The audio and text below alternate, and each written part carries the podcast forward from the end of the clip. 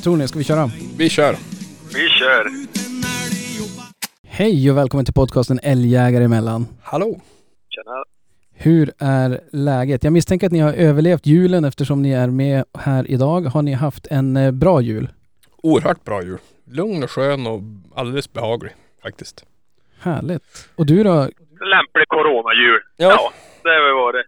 är precis som alla andra höll på att säga. Lugnt och, och matigt. Ja. Matigt, ja det var ett bra ord. Ja, det ska bli Ja. intressant att se ifall eh, det här kommer att eh, sprida sig, höll jag på att säga. Att folk bara, ja men det var... För, för jag kan uppleva, okej att jag saknar mycket släktingar och sånt där som man annars kanske inte träffar så ofta. Men eh, samtidigt så var det ganska skönt också att det var väldigt stressfritt. Ja. Precis. Ursäkta men, men alltså jag har sex syskon. Ja.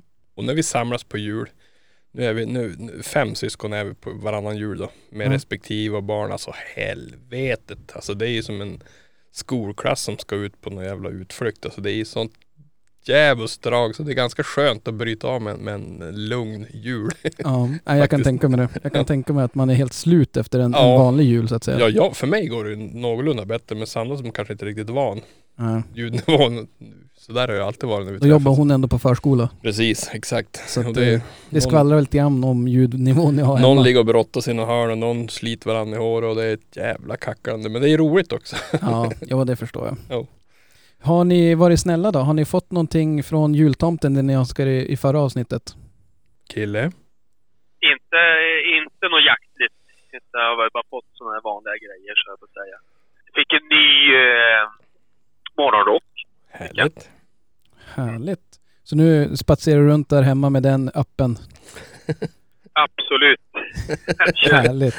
kör all in där. ja, det, Eh, ja, och så gav jag ju mina några skoterskor till kärringen. Så det var en grym, alltså, en grym present.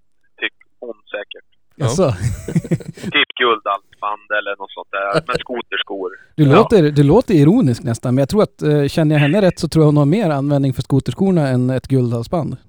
Jo, men jag, hon är ju ändå sådär att hon tycker det är kul att få något Något lite onödigt. där Krimskrams som jag och ja, Jo. jag är dålig på. att Köpa blommor eller köpa sånt där. Och jag tycker bara skoterskor är ju som ändå. Ja, det fyller ju en funktion. Jävligt grymt tycker jag. Jag köpte faktiskt ett par diamantörhängen till min kära sambo för någon, ett par jular sedan. Ja, jag trodde att jag köpte en ny. Ja. Nej, nej, nej. Och, eh, Jag trodde du skulle säga för ett par veckor sedan bara en sån här fredagspresent. Jo, jo, en liten kärleksgåva. Jo, Ja, ja. nej, nej, utan eh, och eh, ja, jag tror aldrig hon har haft på sig dem. De ligger fortfarande i, i ett bankfack kanske man ska säga. Nej, men de ligger här någonstans. Mm. Hon eh, tycker att de är för dyra så hon vågar aldrig ha dem. ja nej. Det Så- blir ju så. Jag, bet, jag, betalade, jag betalade försäkring på dem där i två år tror jag. Sen kände jag bara nej, hoppas de försvinner. Ja, precis. Så att eh, därav Ja. så är inte jag så superförtjust i de där eh, krimskramspresenterna eller vad man ska säga. Mm. Jag gav Ah, Sandra, jag har ju lite så. jag gav Sandra en 155 En radio. Ja, jag tror du skulle säga jag gav Sandra en hundring. Ja, precis. det hade varit bra. Ja, det är ju praktiskt. Ja, precis. Gå och köp något. Nej, hon fick sin komradio i alla fall. Och köpte en godispaus. Ja, precis. Eller Men vad du vill. En, en komradio, det är ju bra. Ja, det är faktiskt. Ja, nej men det var bra. Det har hon som klipp låna ihop. Ja. Mm. Nu behöver hon inte dig längre. Nu är hon självgående. Ja, fasen var bra. Härligt, härligt. Köpte du en bättre radio till henne än vad du har själv? Mm, nej. Nej. Alltså det var, inte, det var inte så jävla stort utbud. Men jag köpte inte den billigaste och inte den dyraste. Jag köpte någon där mittemellan. Faktiskt. Smart. Så Smart. Jag tror att den funkar. Så det vart, eh, det vart varken billigt eller det bästa? Det var lagomt. Ja, jag sålde in det där inte så positivt känner jag. Men men. Nej. Jag tänkte på det, har, tror, vet du om Mattias har fått någon komradio då? Nej, ehm, hans borde ju hålla hela hans liv. faktiskt. Det är ju batteriet och kanske kan dö ändå.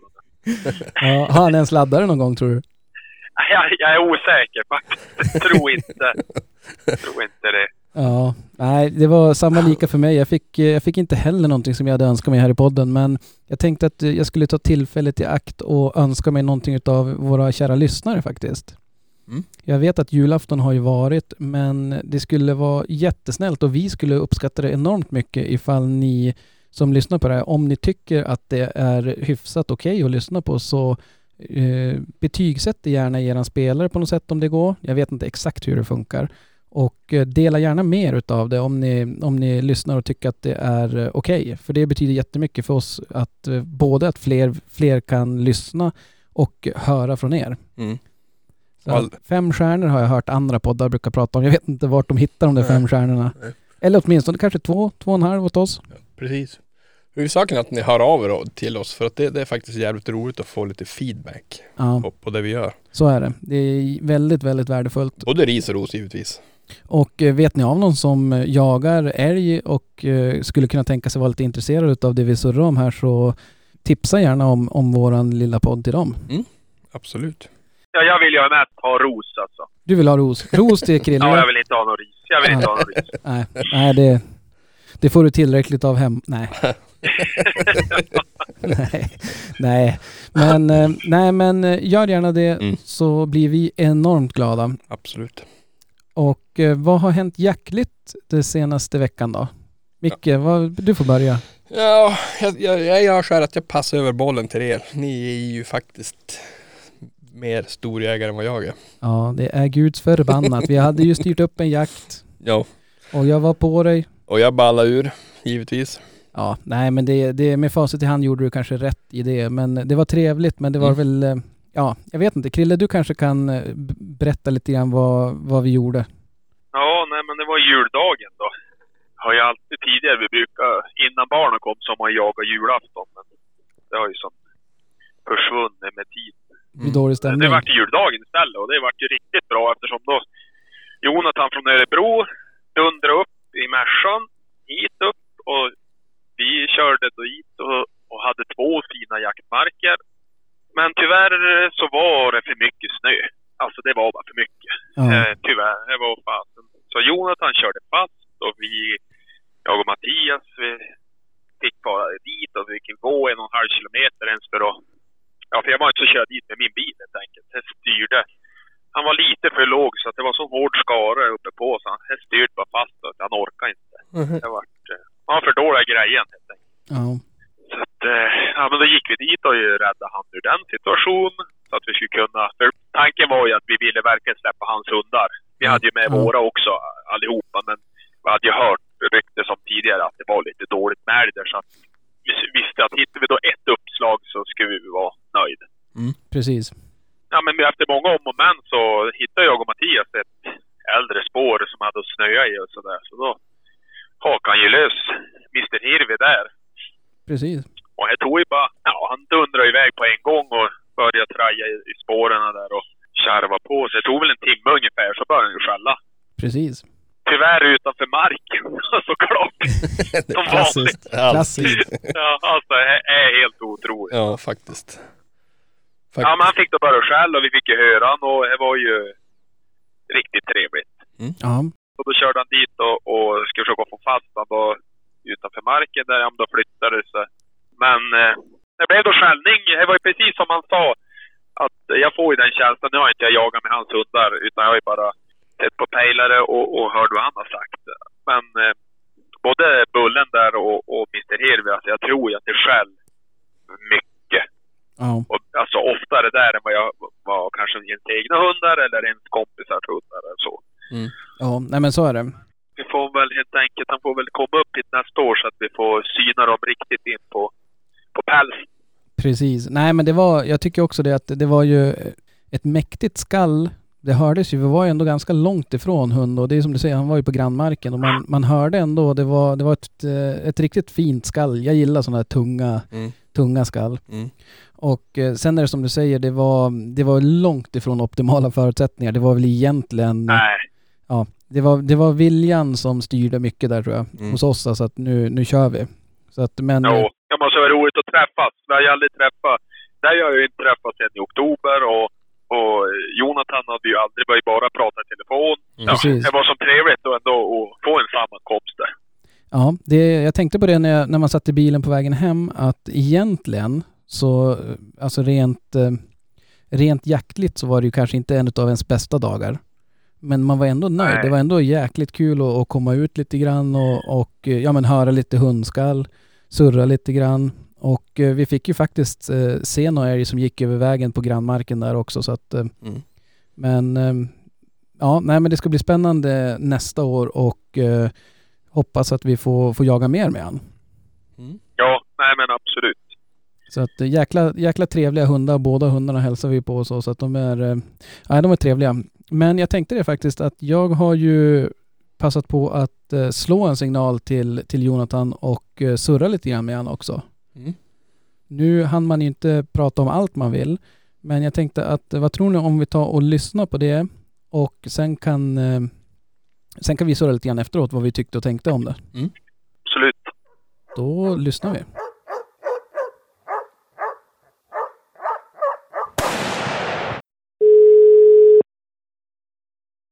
Ja, Jonathan. Men tjenare Jonathan, det är Daniel från Älgjägare emellan här. Hur är läget? Tjena, tjena. Ja, det är bra. Själv då? Härligt. Jo tack, man ska inte klaga. Man har gått upp några kilo här över jul, men eh, det är väl som sig bör. Ja, det är som sagt. det. Har du haft en eh, bra jul? Ja, det tycker jag. Det var kanon. Jag var med, med sonen halva julafton och sen eh, for jag till Norrland på julafton. Vad skulle du göra i Norrland då? Nej, men jag får upp. Jag hade någon liten fantasi om att jag skulle gå och jaga. Men eh, ja, det vart, det vart lite för mycket snö. Ja, ja det, har kommit, det kom lite grann innan julafton och sen har det ju faktiskt kommit mer sen dess så att säga. Ja, precis. Ja, jag ska börja fara hem nu från Vilhelmina och det, ja, men här snöar det på ganska bra faktiskt. Ja, ja, jag kan tänka mig det. Du får köra försiktigt när det blir dags. Ja, absolut, det ska vi göra. Jag tänkte jag skulle börja egentligen med en sportintervjufråga. Hur känns det? Du har ju lyckats med att ta fram en nordisk jaktchampion år 2020, nådens år, eller coronans år kanske vi ska säga. Ja, precis. Ja, men det, jo, men det är väl roligt. Det är ju, det är ju jättekul att, eh, att hunden funkar, att man har uh, massa bra kompisar som ställer upp och, och hjälper en i andra länder. Ja. Att bilen går bra så att han kan rulla många mil.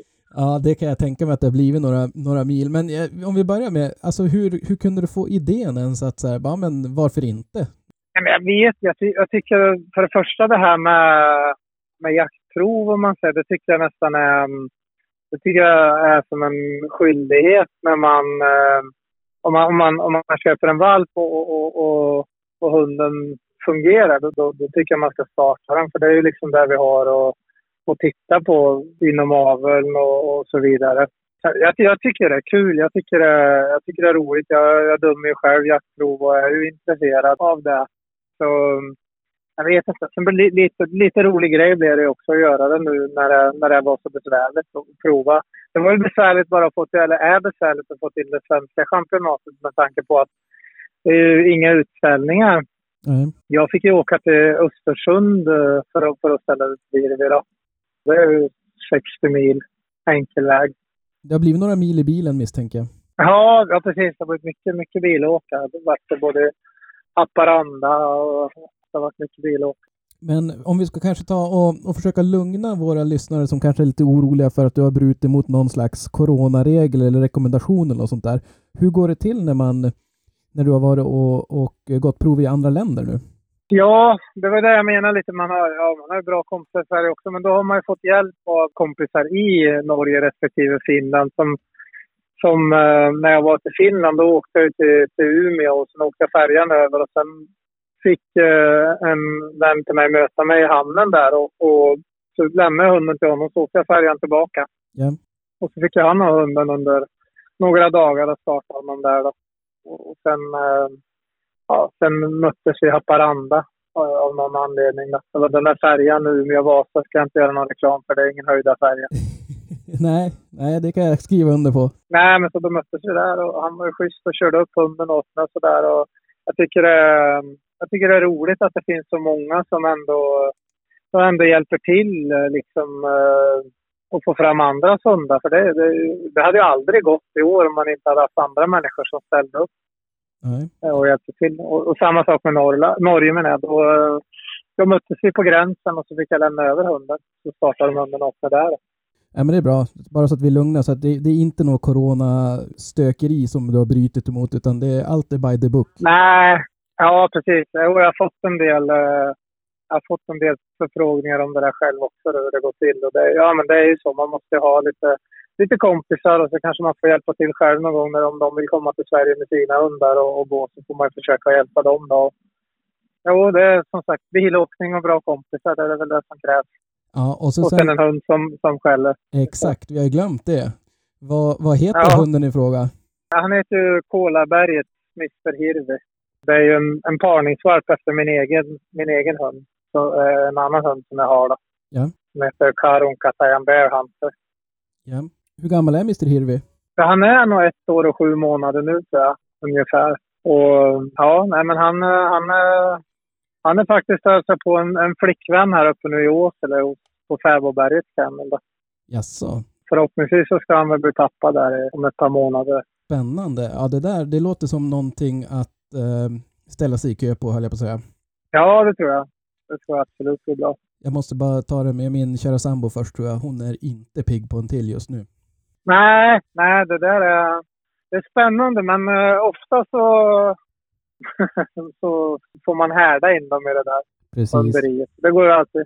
Barnen tycker om hundvalpar så brukar gå och ta det den vägen också. precis. Och de är ju jättesöta där i början. Tills de börjar äta upp deras leksaker och sånt där. Då blir det mer knas. Men, men. Ja, Men jag tänkte vi kan, vi kan ta det från början. Om jag är, är rätt informerad, vilket jag sällan är, men så är året 1981 och ett litet gossebarn föds. Vad hände sen? nej, nej, men hur kom du in i jakten? ja nej, men det är ju via, via sex och så att man alltid har varit intresserad av det. Ja, Eh, Jag har mycket, mycket släkt som jagar och, och sen ehm, jag, jag varit tidigt intresserad av, eh, av älgjakt och, och, och nästan bara det. Jag har jagat en del annat också tycker det all, all jakt är rolig, speciellt när det är med hund. Ja, Men eh, ganska tidigt, jag, jag skulle tro att det är nog 20 år sedan kanske jag var med första trippen upp till Norrland och sen eh, i takt med liksom att vargen har eh, ökat eh, ganska radikalt i Bergslagen där jag bo, bor så har det blivit att man Ja, i år har jag, har jag kanske haft en jaktdag i Bergslagen och så sen, sen har jag bara varit i Västerbotten och, och Norrbotten. ja. Och jag, det måste säga, det är väl egentligen där, eller här, jag är här nu, det är väl här jag trivs, trivs som bäst med, med allting då. För jag tycker även om fiske och, och skoter och så. Så jag är född, född på fel plats. Ja, det låter som du är en missplacerad norrlänning. Ja, precis. precis. Nej, men vi, min tjej kommer ju från Vilhelmina då, så ja, men tanken är väl att flytta upp här om några år. Då. Det är väl att ba- barnen ska bli lite större. Jag håller på och letar efter något lämpligt ställe att, att hitta. Hör ni det? Ifall ni har något eh, bra skogsskifte med någon tillbehörande hus så hör av er till Jonathan. Absolut. Perfekt ja. Ja, Bara höra av er. härligt. Du var inne på det lite grann där. Hur viktigt är hundarna när det kommer till jakt tycker du? För mig är det nog um, allting. Jag minns inte när jag jagade någonting utan hund så senast, utan eh, det är allting. Och jag vet morfar hade ju, var ju framförallt, han- men han hade ju harhundar, stövare då. Ja. Och, um, det, men men det, jag tycker det det är, det är nästan allt som det ska vara en hund. Annars tycker jag det snabbt blir Nej, inte tråkigt, men eh, nej, jag vet inte. Det är många som vakar på gris och sådär. Och det, det kan väl absolut vara, vara roligt. Det, det, det, det förstår jag. Men för mig är det, det är liksom hundjobbet och kanske inte själva, själva skjutandet som är det viktigaste. Utan eh, jag vill ha en, riktigt bra jakt och då är det riktigt bra hundjobb. Ja, nej men jag förstår. Jag tycker ju själv att det, eh, jag tycker all jakt är- kul lite grann som du är inne på där, men det blir en dimension till när det är en hund med. Ja, absolut. Och verkligen. Så hela grejen runt omkring, eh, före och... Ja, nej, jag tycker det är fantastiskt roligt. Och det som är... Jag pratade med en annan som har jagat mycket, mycket mer än mig, mycket längre. Men han sa det blir bara konstigt. Det blir bara roligare och roligare ju äldre man är och ju mer man jagar. Och så känner jag med faktiskt. Det blir bara roligare och roligare. Och jag, vill, jag vill egentligen bara jaga mer och mer. Jag skulle vilja jaga varje dag om jag kunde, men det, Ja. det är svårt. Jag känner igen det och nu, precis som du var inne på där, så börjar ju jaktåret när det gäller älgjakt här uppe vara över. Det är för mycket snö helt enkelt. Och eh, alltså jag känner ju direkt hur man blir lite eh, ja, mörk höll jag på att säga. Nej, men man blir halvdeppad. Ja, man, precis. Man går in i som någon liten eh, depression nästan. Jag tycker det är skönt. nu är det ju roligt sådär och man har ju lite andra, ska jag dumma lite hundar i januari och, och sådär. Och, men, men eh, det är klart att det, det, det, känns ju deprimerande. Man vet att det är långt till augusti. Ja. När det drar igång igen. Så är det. Att, um, när jag skulle kolla upp dig lite grann och göra lite research, eller research ska jag inte säga, det låter man ju som att man är någon slags journalist. Jag kollade på Hitta älghund och då såg jag att eh, Björn, är det din första hund? Precis, det är, det är, det är min första egna hund där. Ja. Uh, och det var väl en, uh, ja, det var väl en, en, uh, en jaktidiot om man får säga så av rang. Han var ju det var, det var mycket roligt, men det var mycket jobbigt också. Jag vet, han skällde över 40 timmar och kunde följa 10 mil eh, på någon skena. Det var ju... Ja, men man, fick, man fick lite insikter om där hur, hur en hund inte skulle vara. Så man lärde sig mycket av det. Mm. Sen har ju som sagt jag haft eh, släktingar och så som har haft hundar som, eh, som man har fått jaga med. Då. Men det var min första egna hund. Ja. Du är inne på där eh, jaktidiot.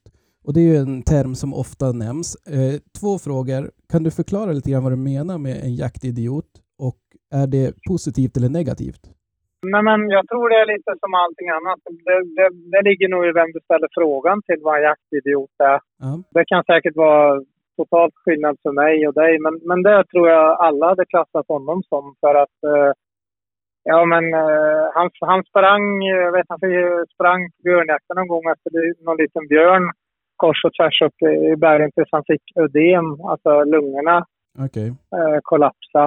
Ja, men han sprang ju hejd, hejdlöst långt. Det gick inte att få tag i han, han, han gjorde allt för att undvika en om man skulle ta honom på, på älgspåret när han gått över någon väg. Han, han lärde sig snarare hur han skulle undvika mig för att, för att få jaga längre. och totalt kontaktlös när han eh, när han skällde. Jag tycker inte det var, no det var absolut ingen jättebra ståndhund heller, även om han, han skällde ibland så... Alltså, jag vet inte, han jagar för sig själv bara. Jag tror inte det spelar honom så stor roll om, om det var någon som sköt älgen eller inte. Han ville bara jaga den. Mm. Man var tvungen att fånga honom, annars så sprang han i stort sett tills han blev skadad eller tills han totalt klappade ihop och man fick åka och hämta honom någonstans. Okej. Okay. Nej, jag, jag hoppas verkligen att alla... Alltså jag tyckte om den hunden jättemycket på många sätt och jättetrevlig hund som familj. Men jag skulle inte vilja ha en sån jakthund igen. Det var fruktansvärt. Jag kunde aldrig släppa honom på en söndag eller något sånt där man skulle jobba på måndag. För att du visste ju liksom aldrig när man skulle få tag i honom. Så att eh, nej, det var, det var ingen, uh, ingen, ingen rolig men, men som sagt, jag fick skjuta mycket älg så jag fick lära mig mycket, köra grusväg och, och sånt där. Och kanske mycket saker som man har undvikit att göra senare. Och man, man fick prata med mycket folk, det tror jag man lärde sig jättemycket. Man fick prata med mycket, mycket rutinerade herrar som man träffade runt om i skogen när man var, skulle försöka hämta den där hunden. Och Man fick mycket tips och tricks på vad man skulle göra för att inte få sådana hundar. Mm. Så jag, jag, tror egentligen inte att det är någon som vill ha en sån hund. Sen kan man prata om, jag vet att det finns någon som pratar om det och, och att det är så man ska avla på jaktidioter och hit och dit. Men jag, ja, ja, jag, jag vill säga att det, finns så, det är så mycket jakt i, i så många hundar ändå. Så, men det, är väl, det beror väl på som sagt termen jaktidiot. Men jag har svårt att se någon som inte skulle klassa honom som det. Nej, och jag tycker mig höra att det är eh inte i positiv bemärkelse bara, utan det är klart hund har mycket jakt i sig och det är bra, men när det går överstyr så blir det, det blir så ineffektivt också. Om jag ska jämföra typ då, som, som eh, den här Bear Hunter eller Bullen som, som jag kallar honom så han har ju jagat, eller han jagar eh, långt utanför marker och sådär. Men, men han har ju haft, eh, och han hade absolut minst lika mycket jaktlust som, eh, som, som Björn hade. Men, men han, eh, han kommer ju om, om, om jag ropar på honom eller om han, om han, han jagar mer för att han är intresserad av att, han och jag, att jag ska skjuta älgen. Han har liksom förstått det, att mm. det är det här det går ut på. Liksom han, han jobbar för att, att, att, att vi tillsammans ska, ska skjuta älgen och, och märker han på mig att nej men det här, han har gett upp liksom. Han kommer i bilen och tutar med bilen och grejer. Okej, då är det slut och då kommer han. Men så länge som, som, som man vill att han ska fortsätta jaga, då jagar ju han. Ja. Eh, Inga problem så. så. På så sätt kan jag tycka att det, är, um, det, det är ju så man, eller i alla fall jag vill att hundarna ska vara så. Ja, nej, men det är kul om man har samma mål. Om både hunden och och, eh, en själv har samma mål, vad man vill uppnå. Ja, man kan nästan se på vissa hundar. Jag, jag tycker jag ser det lite med, med Hirvi också. Han är, han är lite yngre så det är, det är svårt att egentligen säga exakt hur hunden är när de bara är så pass unga. Att ehm, han, eh, han är intresserad av att veta vad jag vill. Eh, liksom. Visst, så det, det, det blir nästan som när man... Det är säkert mycket man själv inbillar sig. Typ. Man går och fantiserar om att det är så det är. Men man ser ju dem i hemmet och så också lite att de är mera lyhörda för hur man vill att de ska vara. Uh, inte så egen. Sen är ju han... Ja, han är ju ganska kontaktlös när man släpper honom. Uh, då, då försvinner det. Men det, det, jag, så vill jag att mina hundar ska vara. Jag vill ju faktiskt att de ska fara ut och leta upp en älg. Ja. Sen- kan man ju grotta ner sig i det där hur mycket man vill med hur de ska springa då och sådär. Men, men för mig så, så har det funkat jättebra ehm, med, med, sån- med hundar som jagar så. Och sen att man snarare att är väldigt målmedvetna. Att de söker av terrängen noggrant. Även om de inte kommer till mig i slutet i kvarten så kan de ju faktiskt söka av terrängen bra ändå. Ja, ja, så är det. Det är ju nästan så att de eh, kanske söker av den åtminstone snabbare om de inte kommer förbi föraren hela tiden. Ja, nej men så, så, så det är också lite det här eh, tycke och smak hur man vill att, att hunden ska vara. Ja, Det, det, det, det är nog ganska individuellt. Och hur man jagar, vad man jagar för, för typ av för marker och, och hur mycket älgtillgång man har. Har man passkyttar eller jagar man själv och, och sådär. Så, så det, det är säkert mycket. ja, det är mycket som spelar in. Ja, precis. Och, och det, som är, det som är bra för mig kanske är jättedåligt för dig. Så att man ska absolut inte sitta och säga att, det är något, att man har någon ensam rätt på sanningen hur man vill att en hund ska vara. Men jag, jag vet ju hur jag vill att, att hunden ska vara för mig. Ja, nej men så, så tror jag. Det är, det är bra att du är tydlig där, för det är nog många som har sina egna tankar kring det och det är ju alla fria att ha. Nu är jag ju mest nyfiken på dina tankar faktiskt, så det är bra att du delar med dig av dem. Ja, precis. precis. Har det alltid varit klart att det skulle vara jämthund, eller har du haft några andra hundar? Jo, jag har haft någon, eh, någon gråhundstik hade jag som eh, var eh, egentligen en kompis till mig. Men eh, hon var en jättebra, jätte, jättebra hund och sådär var. Men hon var inte så trevlig familjehund. Så. Okej. Ehm, och det var när- vad kan det vara, 13-14 år sedan kanske. Och då, ehm, då fick jag barn. Så att, eh, då kände jag att nej, det var, var inget bra. Det här med gav jag bort. Och, sen har jag, jag, har, kikat på allt möjligt. Så det, det, det spelar inte så stor roll. Men nu har man fastnat lite i det där med jämthundar och, och tycker liksom att det funkar bra. Jag tycker de har de egenskaper som, som passar mig. Men det, det kvittar ju egentligen vad så. Då. Men, men ehm, de, det passar, passar för mig. Jag tycker de är stora och funkar bra när det är lite snö och sådär. Eh, de är ganska snabba och, och så. Men det, det ska man säga, man kanske byter. Rätt vad det är så har man en, en gråhund igen. Men det är väl egentligen de två raserna i sådana fall som, som jag har mest erfarenhet av och, och skulle välja. Ja, nej men det, det är som du säger. Hur många hundar har du just nu? Ja, Just nu har jag bara två. eh, Men eh, jag får se. Det, planen är väl att ha tre ganska snart. För grabben är 14 nu och blir 15 snart och så ska vi börja jaga han med. Ja. Så att, eh, planen är väl att ha tre. Men eh, det är svårt det där för att eh, de blir äldre också. Bullen är ju sju och ett halvt nu och, och Hirvi ett och ett halvt. Så egentligen kanske man borde, borde ta någon varv här nu. Jag, jag går och velar och klurar lite hur jag ska göra. Ja, ja det är, jag misstänker att det är ganska lockande att ta någonting efter Hirvi nu. Ja, det är ju roligt. Det är ju alltid roligt att behålla någonting efter, efter en egen hund. Så det är ju de, de tikarna som, som, som, som ska para sig är ju alla jättebra tikar. Ja. Så att absolut, det känns väldigt lockande. Helst skulle man ta en från varenda en, men, men eh, det kan nog bli svårt. Ja, det, det får vänta tills du flyttar upp hit. Ja, exakt. Men eh, du, får, du får köpa en valp du eh, från någon av de andra tikarna. Ja, det, det är inte mig du ska övertala. Det är inte mig. Okej, okej. Mm. Men eh, vad var det jag tänkte om vi, vi går in på Bullen, eller Bear, Bear Hunter, Bullen kallar du han. Ja, precis. Det är arbetsnamnet höll jag på att säga. Jag ska inte ge mig in på att försöka uttala kenneln. Det får du gärna göra. Nej, Karhunka säger han. Precis. Det är en, um, en kennel som ligger i Lappeenranta i Finland och ägs av Matti Myllinen. En, en, vet, en herre ska man kanske säga som, som i alla fall jag har otroligt stor eh, respekt för både gällande hundkunnande och, och jaktligt. Ja. Jag har jagat mycket med honom genom åren och, och, och framförallt en, en del björn. Då. Och jag vet att Bullens mamma, eh, hon, heter Nefertiti. Jag vet att jag reagerade tidigt på henne. När, vi var på ställen, det var ju massa folk i skogen eh, på björnjakten. Det var ju otroligt poppis och liksom, det var liv och rörelse. Och den enda hunden som jämt hittade någon älg som hon stod och skällde på, det var hon. Det var ju många andra hundar som hittade älg, men de kutade ju bara de älgarna. Men hon, hon lyckades jämt få dem att stå. Ja. Och det, han var ju skitförbannad då, för vi jagade ju björn. då. Men, men, ehm, men eh, då tänkte jag fan, den, den där hunden ska jag ha en valp efter. Eh, Så det var väl så jag bestämde att jag ville ha en valp efter henne då. Och, ja, så på den vägen var det egentligen så skulle jag, hade han valt, han skulle välja valp åt mig då, i och med att det ligger ända på ryska gränsen.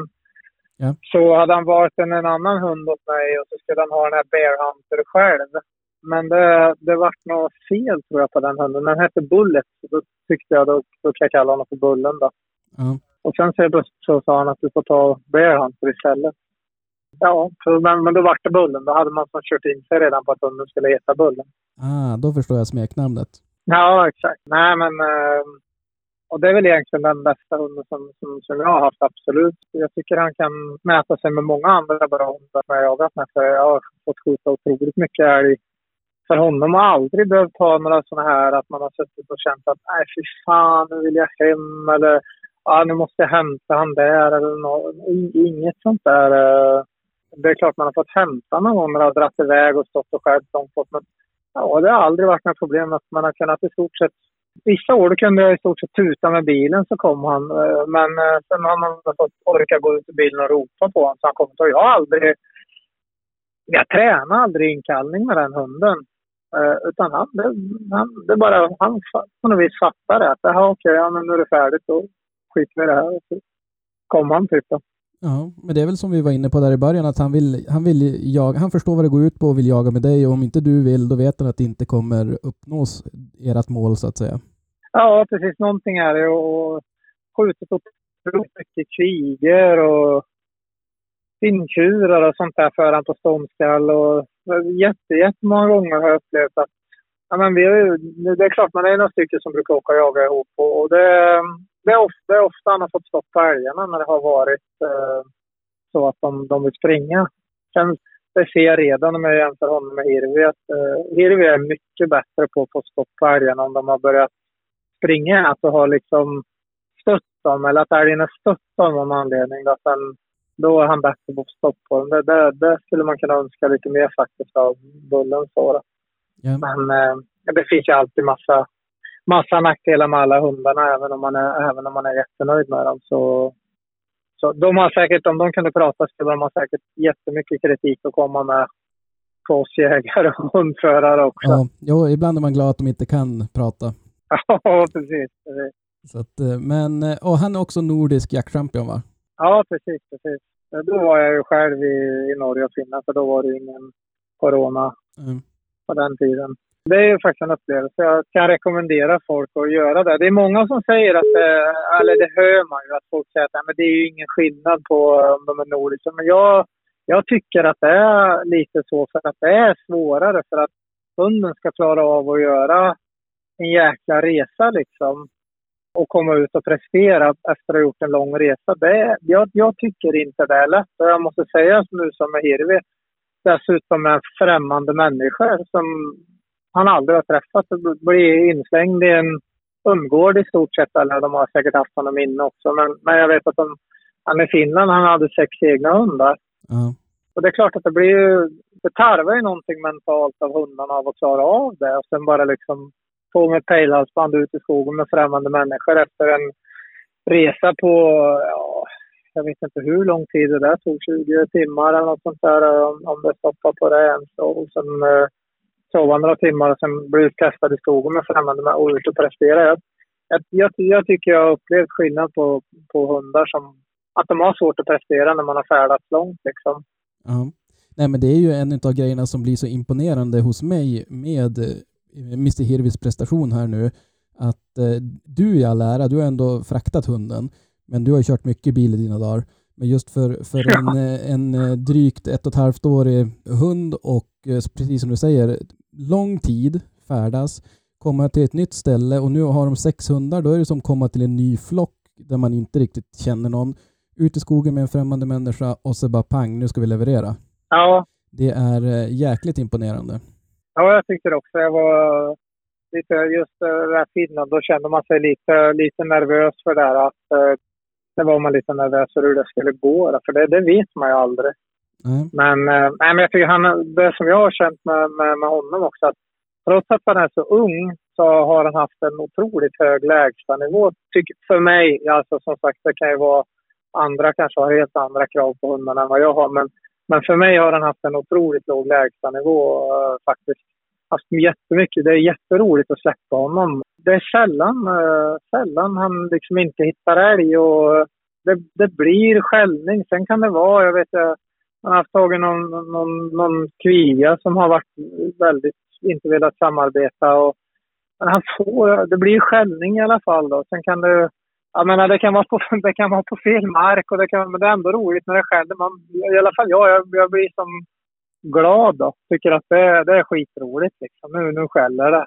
Ja. Han har varit jäkligt rolig att släppa och, och spännande kombination. Det ska bli jätteroligt att se honom nästa säsong också då för att för förhoppningsvis kommer han utvecklas ännu mer under nästa säsong. Han är jätte, jättesnabb är han och, och, och och det är klart att han eh, till viss del drabbas av den. Han har varit orutinerad. Man har sett att han har tagit jättekliv under, ja, egentligen från oktober eh, så har det ju, men det funkar i september men man kunde se misstagen som han gjorde då på ett helt annat sätt. Då. Nu, nu, nu, nu, nu ser man det, men han har tagit jättekliv då med, med det. Det ska bli väldigt intressant att se om man kommer kunna utnyttja sin snabbhet ännu mer under uh, nästa höst. Och, och ändå tar, jag tycker han tar upp bra, jättebra både på spår och, och på vind och blivit mycket bättre på att liksom följa spåren där ute. I början blir det mycket, man kan se lite rallande fram och tillbaka så de har svårare att reda ut nattrader och, och betes tar, tar lång tid. Liksom. Man väntar på att de ska reda ut det länge. Mm. Går fortare och fortare ser man då. Så, och det kommer givetvis med rutinen. Men sen, sen, har han ändå, trots att han har speeden, så har han lugn, väldigt lugna och fina upptag. Och jag har ingen aning, jag vet inte. Det, det är också någon så här eh, diskussioner man kan ha. Ska hunden flyga fram och skälla i 120 eller ska de ha lugna upptag? Jag, jag vet inte. Jag har ingen aning vad som är, är rätt på det. Men han har väldigt lugna och fina upptag och jättefint skall har han. Mm. Och det tycker jag är roligt också. Gammalt jämthundskall. Ja, det fick jag ju faktiskt förmånen att lyssna lite grann på här i förra veckan. Ja, precis. Och det var väldigt bra hörbarhet. Så att, eh, det, det var mäktigt att höra när, när han satte igång. Han är inte så tätskallig. Det är också två skolor där. Jag vet inte vad han ligger på mellan. Han är runt 70 kanske. Det räcker för mig. Men just det att han, han skäller ut väldigt fint och väldigt så här, ja men som det var förr om man säger grovt jämtlandskall. Jag, jag tycker det är härligt att höra. Sen, sen, tror jag inte det spelar någon större roll så, men jag, jag gillar det. Jag tycker det är roligt. Ja, nej, men jag är nog lite liknande. Det här grova, tunga. Det är väl kanske i och för sig som med musik. Alla tycker om olika sorter, men ja. det, det, har mindre betydelse egentligen. Men, men jag måste gillar det här tunga, att det, ja, det, det låter mäktigt på något sätt. Ja, det, det tycker jag med. Sen är det säkert lättare att, att smyga på ett, på ett ståndskall när hunden skäller 120 skall i minuten. Det är absolut, eh, det är det nog. Men jag tycker det räcker. Jag har inte så bråttom fram heller. Då. Man får passa på att njuta när de skäller. Så är det. Så är det. Men jag tänkte på det, du, var, du berättade där att du värdesätter nordiska Jack Trump-spionatet högre än vad du upplever att kanske andra gör. Ja. Förstår jag det rätt då? generellt kanske man ska säga så, för det finns nog många som tänker som jag men jag, man har hört diskussionen hos, hos många människor som, som säger så. Att det är inte mer värt än ett svenskt. Nej. Men jag, jag, jag vill ju påstå det är så för att det behöver inte vara mer värt än det svenska. Men å andra sidan, man, man kan ju välja att gå, gå fram runt championat på sina hemmamarker där, där hunden jagar hela tiden. Eh, man vet ganska väl vad man har för älgar, vart älgarna står. Eh, det blir ju något annat och som sagt kasta där, komma till främmande marker och liksom annan terräng också. Jag vet som när man varit i Norge, det är väldigt annorlunda terräng. Det är svårt att säga, men jag, jag tycker man ser att det, det påverkar många hundar. Ja. Ja, men jag tänker om man ska dra en ytterligare en para parallell till sporten så är det ju hemmaplansfördel. Det är klart, eh, och jaga där man alltid jagar, där, där husse eller matte vet ungefär vart älgarna står och man känner sig trygg och bekväm. Det, det måste ju vara enklare på något sätt. Och jag tänker om det då är också, nu, jag ser ju jaktprov som det viktigaste, om inte det enda nästan, eh, hjälpmedlet för att föra aveln vidare.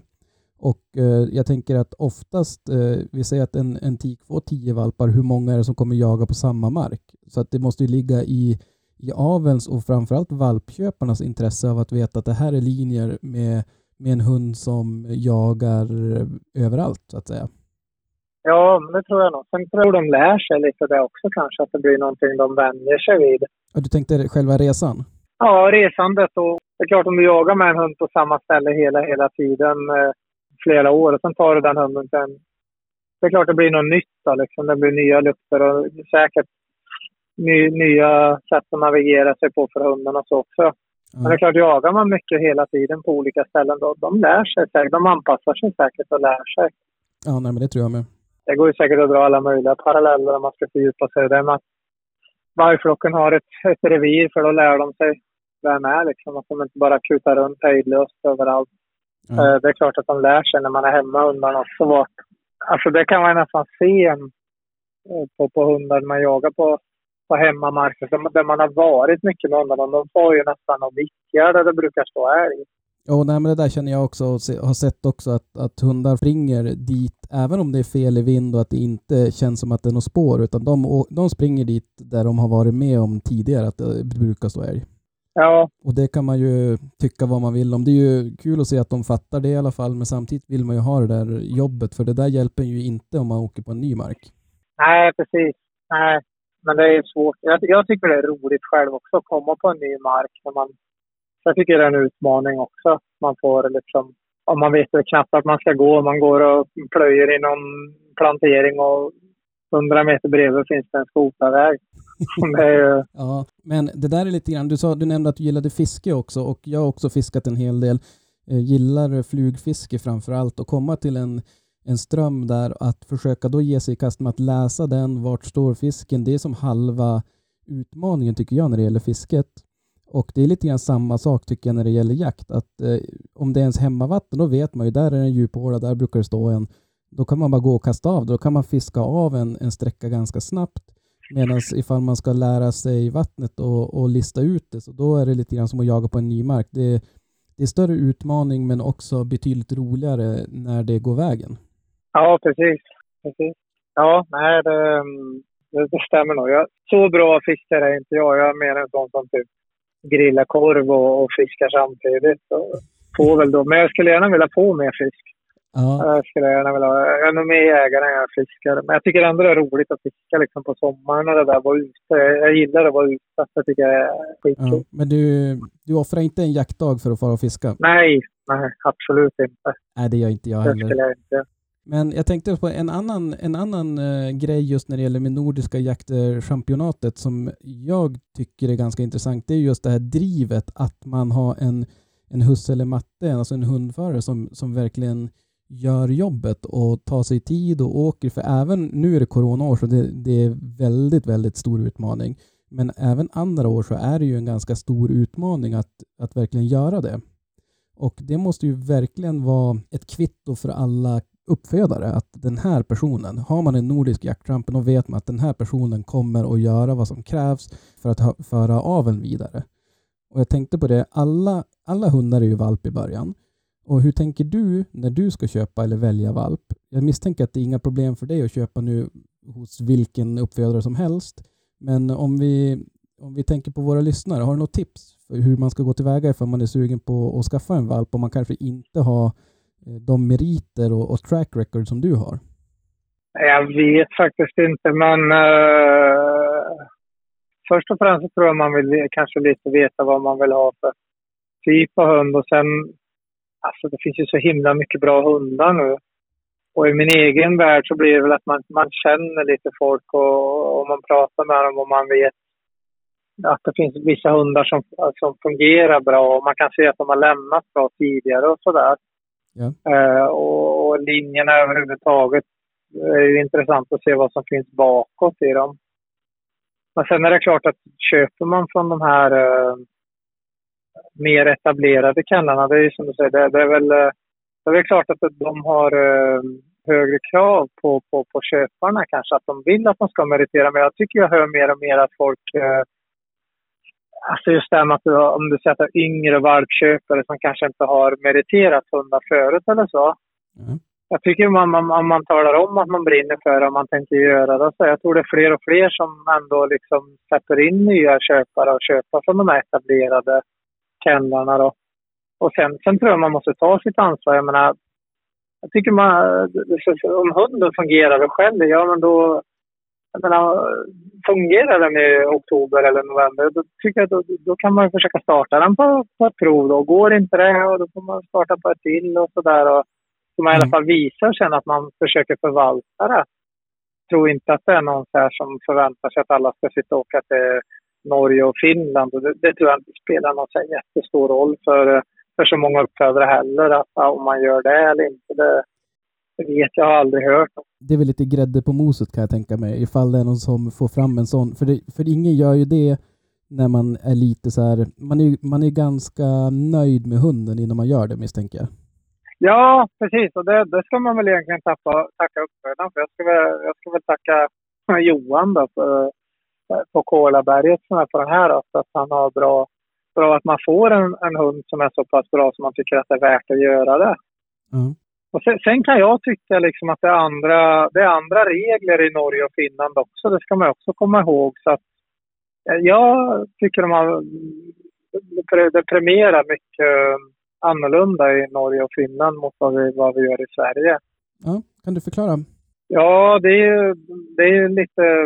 Ja, jag vet inte hur man ska förklara det för att ingen ska bli sur. Men jag kan tycka att det prioriterar, eh, man ska säga det politiskt, mer självständiga hundar premieras mer i, i, i Finland och Norge mot i Sverige. Till exempel om du har en hund som går ut och tar upp älg på första sökrundan det, det förlorar man väldigt mycket poäng på i Sverige kontra Finland och Norge. Okay. Och, och egentligen, återigen en högst personlig åsikt, så, så om, om, en jättebra jaktdag för mig, då har jag ju bara gått ut och släppt hunden och så har han gått ut och tagit upp den här direkt. Om alla mina jaktdagar såg ut så skulle jag vara kanonnöjd. Men man förlorar väldigt mycket poäng på det, på de reglerna vi har just nu i Sverige. Så du förlorar 10 poäng direkt på det. Och har du sen inte provat att ta någon inkallning på söket då, att du gör det direkt när du släpper den, ja då har du förlorat ytterligare en del poäng och så. Så att det är lite, det går, går djupgående och den där har ju debatterats ja, hur mycket som helst ända sedan de här reglerna kom. Nu kommer det nya regler 2022. Ja. Man, man och läsa på dem om man är med. Jag, jag tycker själv att jag själv har varit alldeles för oengagerad i att man att man lägger sig i och framför sina egna åsikter. Så man, jag tycker inte man har någon större rätt att kritisera för mycket, även om man inte är intresserad av att bidra till att, att forma reglerna. Men, men som högst personlig åsikt så tycker jag att eh, Finland har ju ett väldigt bra system. Det ser man för att alltså det är ju sällan, det är de flesta kullar startas ju alla hundar på jaktprov i. Och det är väldigt enkelt att få gå jaktprov i Finland. Enkelt med domare. De, det är alltid två. Det är många som ställer upp och hjälper till. Många gånger kan jag uppleva att det, det, det kan vara krångligt i Sverige att få, få gå jaktprov. Det, det borde bli lättare. Mm. Kan man ge en önskevärld för att det, det, det innefattar att vi alla vi måste bidra till det själva. Och det är ju jättemånga som, som engagerar sig och bidrar och gör ett jättejobb i, i lokalklubbarna. Och det känns som att det är de som får, de får nästan lite skit för det som inte är bra. Medan ja, mm. vi som inte engagerar oss, för man tycker man har jobb och man har familj och så vidare. Så man, ja, jag ska faktiskt försöka och, och engagera mig lite mer kommande år själv också. Åtminstone framföra det man själv tycker och tänker. Ja, men eh, du är inne på det lite grann. Har du någon...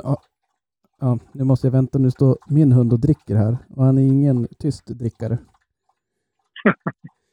men, eh, nej, men jag tänkte det. Har du någon eh, koll på hur många utav alla älghundsvalpar som startas? Vet vi någon procent där ungefär?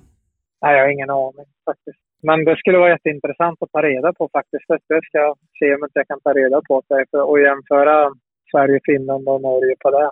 Ja. Faktiskt. Jag inbillar mig att det är våldsamt mycket högre i Finland, men det, det, det, var, det ska jag kolla upp faktiskt. Ja, men om vi, vi litar på din känsla här och nu och eh, jag tänker vad om en grej för att göra det tröskeln mindre för att starta sin hund? Vad tror du skulle behöva komma till så att säga? Har du någon, har du någon tanke kring det?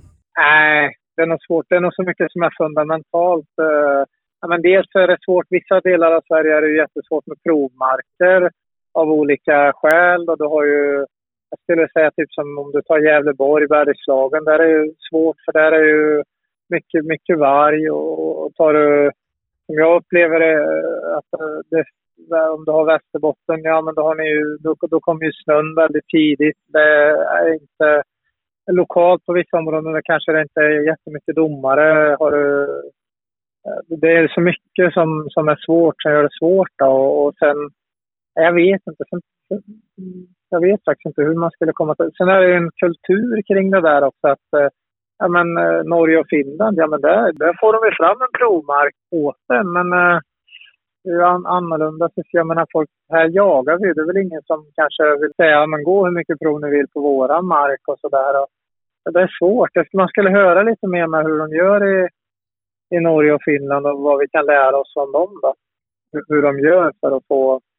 För, att få, för det, jag, jag upplever att det, jag menar, som man själv bor till och med i Sverige så det kan vara svårt att få ställen att gå prov på. Mm. Som det är, eftersom jag nu bor i Örebro. Alltså det, det är väldigt stora områden där som men man vill inte släppa för att det är väldigt mycket varg och sådär.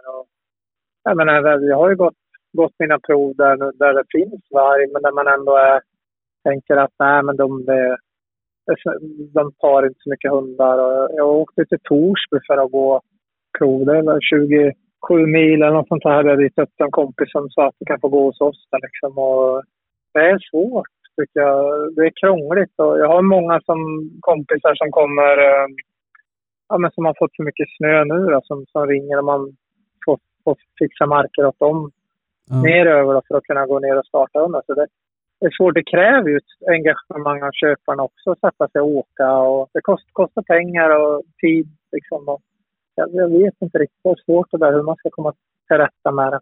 Ja, det kanske är ett helt eget program. Ja, det tror jag. Det är en, en, helt, en helt egen säsong. Så.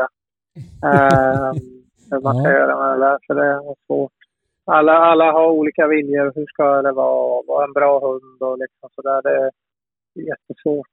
Ja, det har du rätt i. Det är svårt, men det är också ganska, det är lite grann det som gör också lite kul tycker jag, att man kan vrida och vända på det. Det finns inget facit på så vis.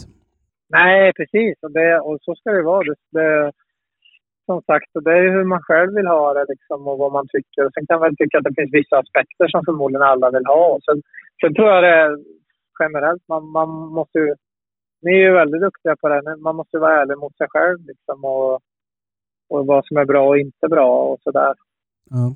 För det är, det är nog ingen hund som är helt perfekt. Eller jo, det, kanske, det, det läser man ju om på Facebook. Men, men, äh, men det är nog svårt liksom, att få en som är helt perfekt annars. Ja, ja nej, men så är det. Och eh, jag tänker, jag skulle nästan inte vilja ha en hund som är perfekt heller. Då kan man ju som, då är det bara att, att lägga ner. Det blir mic drop sen. Ja, precis ja, då är det inget roligt när, när man ska byta den hunden, när man får nästa hund. Då. Nej, precis. Så alla, alla, alla hundar har ju sina styrkor och svagheter, så är det ju. Ja. Man får nog försöka kanske anpassa sig själv lite efter det också, hundens sätt att jaga lite också. Ja, men så är det. Så är det. Det är ju att göra det bästa av situationen eh, och eh, att man har det här samspelet och det är ju ett givande och tagande. Det är ju inte bara ett tagande från, från hundförarens sida, tänker jag. Nej, precis. precis. Men du var inne på det, du, du tackade Johan på Kolaberget här tidigare för, att, ja, men för hans eh, jobb med, med att, att para och ta fram Hirvi här. Hur eh, skulle, om du skulle dela upp en älghund i arv och miljö, hur många procent av en bra älghund är arv, alltså generna, genetiken, parningen och hur stor är miljö? Och där läser jag mer ägare, alltså hur man jagar in och så vidare och hur man eh, hundförarens jobb. Åh, det var svårt. Det kan nog vara olika, alltså det kan nog vara olika mycket, men det, det är klart att du kan forma, jag tror man formar ett ämne till en viss hund liksom. Det tror jag absolut. För man kan ju, det kan ju vara 100 procent ägaren och man kan ju förstöra en, en jättebra hund. Och det kan ju vara svårt att få till en, en skaplig hund av ett dåligt ämne. Ja. Så jag vet inte, 17, det är svårt att säga, men den är nästan... eh, Ja, men du måste ju ha, måste ha ett bra, bra ämne. Men sen, sen tror jag man måste göra rätt saker också. Bero, bero, beroende på hur, liksom, vad som är, hur man vill ha det. Men jag tycker jag har lyssnat... Jag har försökt lyssna mycket på de som kan mycket, mycket mer än mig. Man inser att gud vad mycket alltså små saker det finns som egentligen är jättestora saker som man behöver tänka på. och Man får liksom lä- lägga ner sig. Jag vet inte, men om ja, man får nästan säga 50-50 då, för att som sagt, du kan ha ett toppenämne, liksom en hund som skulle kunna bli världens bästa ståndhund som man kan förstöra till att bli en ganska dålig hund. Men jag vet ju själv, jag gjorde ju massa, massa misstag med den här Björn som jag hade. Han kanske hade blivit en kanonhund om jag hade betett mig annorlunda. Och Medan om, det här, om du har en hund som inte har någon jaktlust. Jag har haft någon sån hund också, som någon, någon tik som jag hade som jag... Ja, jag, gav bort den för att jag hon var liksom, det var inget att ha. Och det är nog svårt att trolla fram. Det, det kanske finns någon som kan göra det också. Men jag menar, man ser ju många personer plockar ju fram hund efter hund hela tiden liksom. Ja. Jag tänker speciellt som på den här Matti som jag känner. Han, eh, han får ju till hundar hela tiden som är helt fantastiskt bra. Ja. Så det är klart, han gör ju någonting också då. Som, som vi andra kanske inte kan. Nej, det, är svårt. det är nog också ett helt program. Ja, Men de som kan mycket, mycket mer än mig.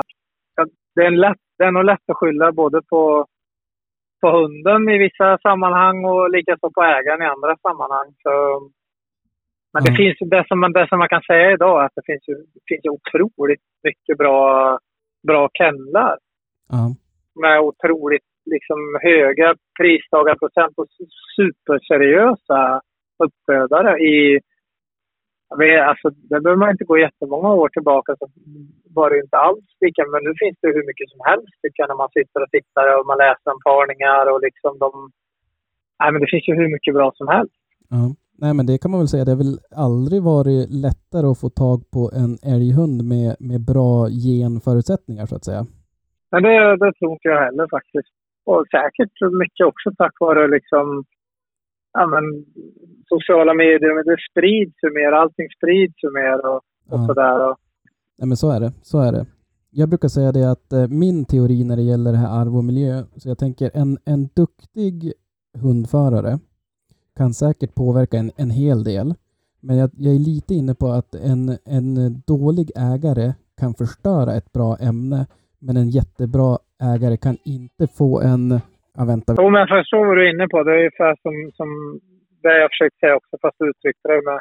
Du är mer, eh, du är en van influencer som ni brukar säga, har jag hört. Och eh, du vet hur man ska uttrycka sig verbalt. En duktig hundförare kan inte göra en bra hund av ett dåligt ämne. Och en dålig hundförare kan göra en dålig hund av ett bra ämne. Ja. Mm, precis. Precis. Jo, men det var det jag tänkte också. Så det är svårt att säga något, något procentuellt. Då. Och det påverkar säkert olika beroende på hur duktig hundföraren är. Då. Ja, visst Eh. Men som sagt, det finns, det finns så många bra... Jag tror att generellt liksom, det finns så många bra, bra kennlar nu som... eh, Det, det är bra ämnen som kommer. Sen kan det ju alltid... Det är ju alltid, ofta säkert någon skillnader i, i kullen givetvis hur det blir och, och, och så. Men generellt så tror jag det finns väldigt mycket... Förut var det nog kanske mer det här att det var dåligt med jakt eller det var si och så. Nu är det mer... Nu är det liksom, det, det är jakthundar av dem. Nu är det kanske mer ståndegenskaper och sånt där som kan vara lite olika. Som man, och det hör, jag hör ju, när, för jag har ju ringt en del kennlar och sådär och, och frågat om hirvi och man hör ju, det, jag måste säga att uppfödarna är otroligt seriösa idag. och lägger ju jättemycket tid på att välja täckhundar. Och jag tror det är många av dem, i alla fall de som jag känner, de, de, de skulle aldrig välja avla på dåliga hundar själva. Nej. Medan det kanske förr var vanligt. Det var mera, jag tror det var mera fokus på kanske pengar. Alltså för jag tror många håller på med det mer av intresse nu. Det är genuint intresserade jägare själva. Ja. Och jag är inte intresserad av och jag skulle inte para med, med en tik som jag inte skulle kunna tänka mig att och, och liksom ta en valp efter själv. Det är i alla fall grundtanken som, som jag känner att eh, skulle inte vilja... Man vill ju ändå att det ska föra någonting framåt, att det ska bli bra. Man vill ju ha att folk ska vara glada och få mycket roligt med hundarna. Och det, jag tror att det är många kennelägare som känner så idag. Det är det som styr och de är jättemåna om vart hundarna ska hamna. Inte bara det här med att du ska gå prov liksom, utan Ja. de vill att hundarna ska få jaga och ha det bra. Ja, nej men det är, det är, jag håller med, jag tror, tror också det och det är ju verkligen ett steg i rätt riktning känns det som. Ja, sen finns det säkert mycket annat fortfarande också, men, men man får ju försöka och hoppas och tro att de flesta ser det så. Ja, nej men så är det. Jag tänkte på det, något, något du sa där tidigare som stämmer ganska bra in på hur jag själv försöker tänka. Att jag tror jättemycket på att lära sig, inte bara utav sina egna, utan även andras misstag. Och du var inne där lite grann på att du hade haft förmånen att prata med, med mycket folk som kunde dela med sig. Har du något eget misstag som du, ja men kanske som med Björn där, första hunden, som du tänker att det här kommer jag inte göra om? Har du något konkret som du kan dela med dig av?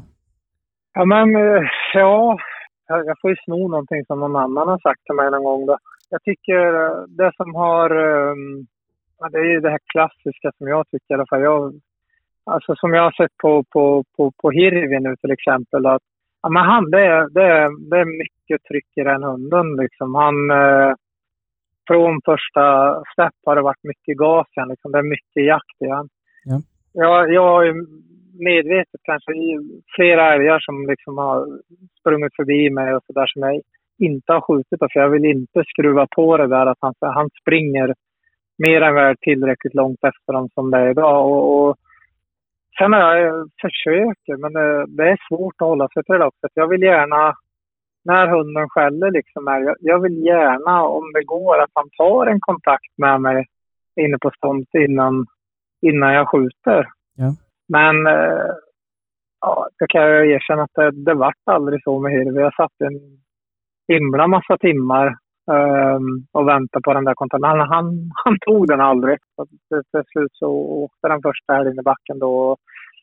Men, men sen har det liksom blivit lite bättre ändå. Det som jag tycker jag ser de egenskaperna i honom också som, som Bullen har. Att han, han lär sig hela tiden mycket och, och inser att ja, men det här är ganska smart att göra så här och så här. Och sen är det säkert varierande beroende på vilken älg de håller på med. Är det en, en älg som är lite orolig liksom. Det var, det var eh, en pinntjur då tror jag och då, då den kanske inte hade varit något läge för honom att lämna och ta någon kontakt med mig. Då, då kanske man inte gör det. Men jag Mm. tror inte ha för bråttom i alla fall. Det är jäkla fokus på att eh, det, man man måste skjuta älg, man måste skjuta älg. Jag tror i alla fall eh, jämthundarna idag, jag kan inte svara för andra hundar, men jag tror det är samma. Jag tror det är så pass påställt och, mycket jakt så man måste inte skjuta liksom älg så fort de jagar en älg.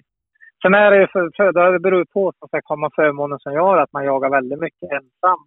Och Då kan man ju välja och vraka lite mer hur man skjuter älgarna. Men har du ett helt jaktlag, det kanske är svårt att säga att okej gubbar, ni får inte skjuta någon älg förrän i november. Jag vill skjuta lite ståndare för min unghund. Det, ja, jag vet inte. Det kanske inte är så poppis. Det tror jag inte blir jättepopulärt i alla jaktlag kanske, men Nej, jag, tror- inte heller det. Men, men eh, det är väl bara att ta det lugnt liksom, och inte ha för bråttom. eh, Det är lättare sagt än gjort. Man blir ju själv ivrig och sådär. Så, men men ehm, jag tror på det. Och sen framför allt att vara lyhörd och lyssna. Det finns ju jättemånga... Så det finns ju så otroligt många gubbar, om man får säga så, som har jagat massor och är skitduktiga liksom. ja men även, även killar födda 81. Ja, men det vet jag inte. Ja, då, kan- då får du... Är du född 81 eller? ja, jag med faktiskt. Fint år. Ja, okej. Ja, men då, du, du, du syftar på dig själv. Nej, men jag tycker man, man, är, man är så...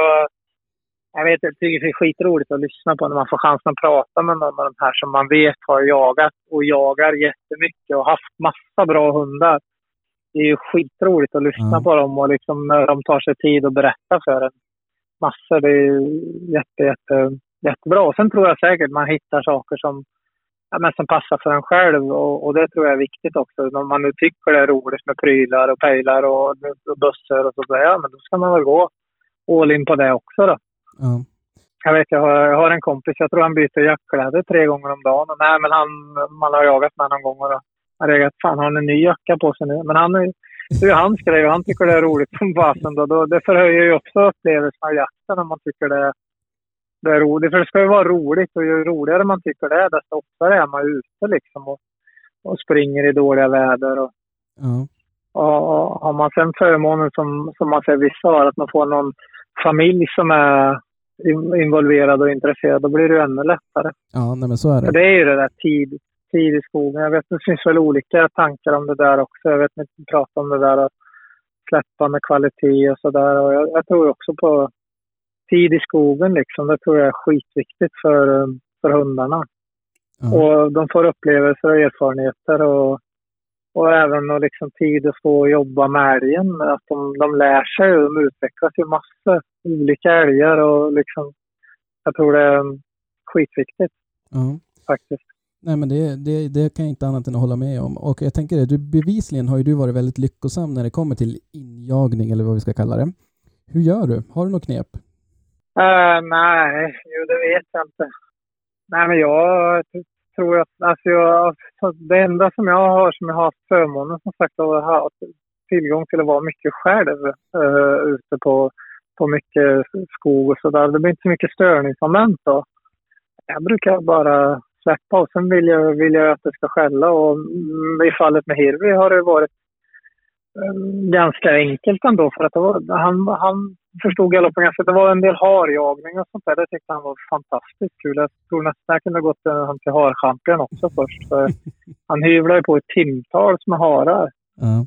Men eh, nej, jag bara ta det lugnt tror jag. För, alltså, jag tycker man kan säga, jag har någon systerson som egentligen, han är väl inne på sin, men det här är väl egentligen den första hunden som han jagar in ordentligt tycker jag då, och själv och så. Det kan man se mer och det är lättare att sitta och observera någon annan än att observera sig själv för då är man ju, är man inte, har man ingen verklighetsuppfattning om sig själv. Men, Mm. nej, men jag ser på honom, han är ju inte så gammal men han är ju ändå jäkla förståndig och lugn liksom. Och inte så bråttom då. Mm. Alltså det gör ingenting om hunden får stå och skälla. De lär ju sig av det med. Jag tror inte det måste smälla hela tiden och sådär.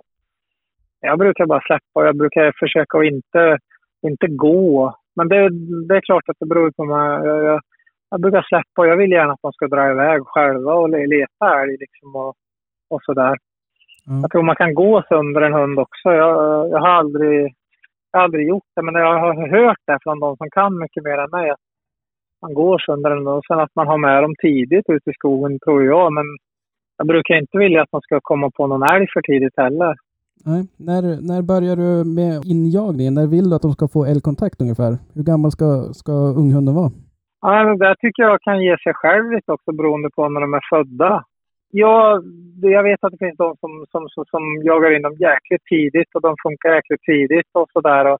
Jag brukar inte ha sådär jättebråttom, men jag tycker man ser på hunden lite också när han är, han är mogen eller inte mogen. Om de är barnsliga. Jag vet inte, jag får för mig att det är många tikar som är mognare lite tidigare än hanar många gånger. Och även fysiskt liksom. eh, Det är lite grann som hos, hos oss folk.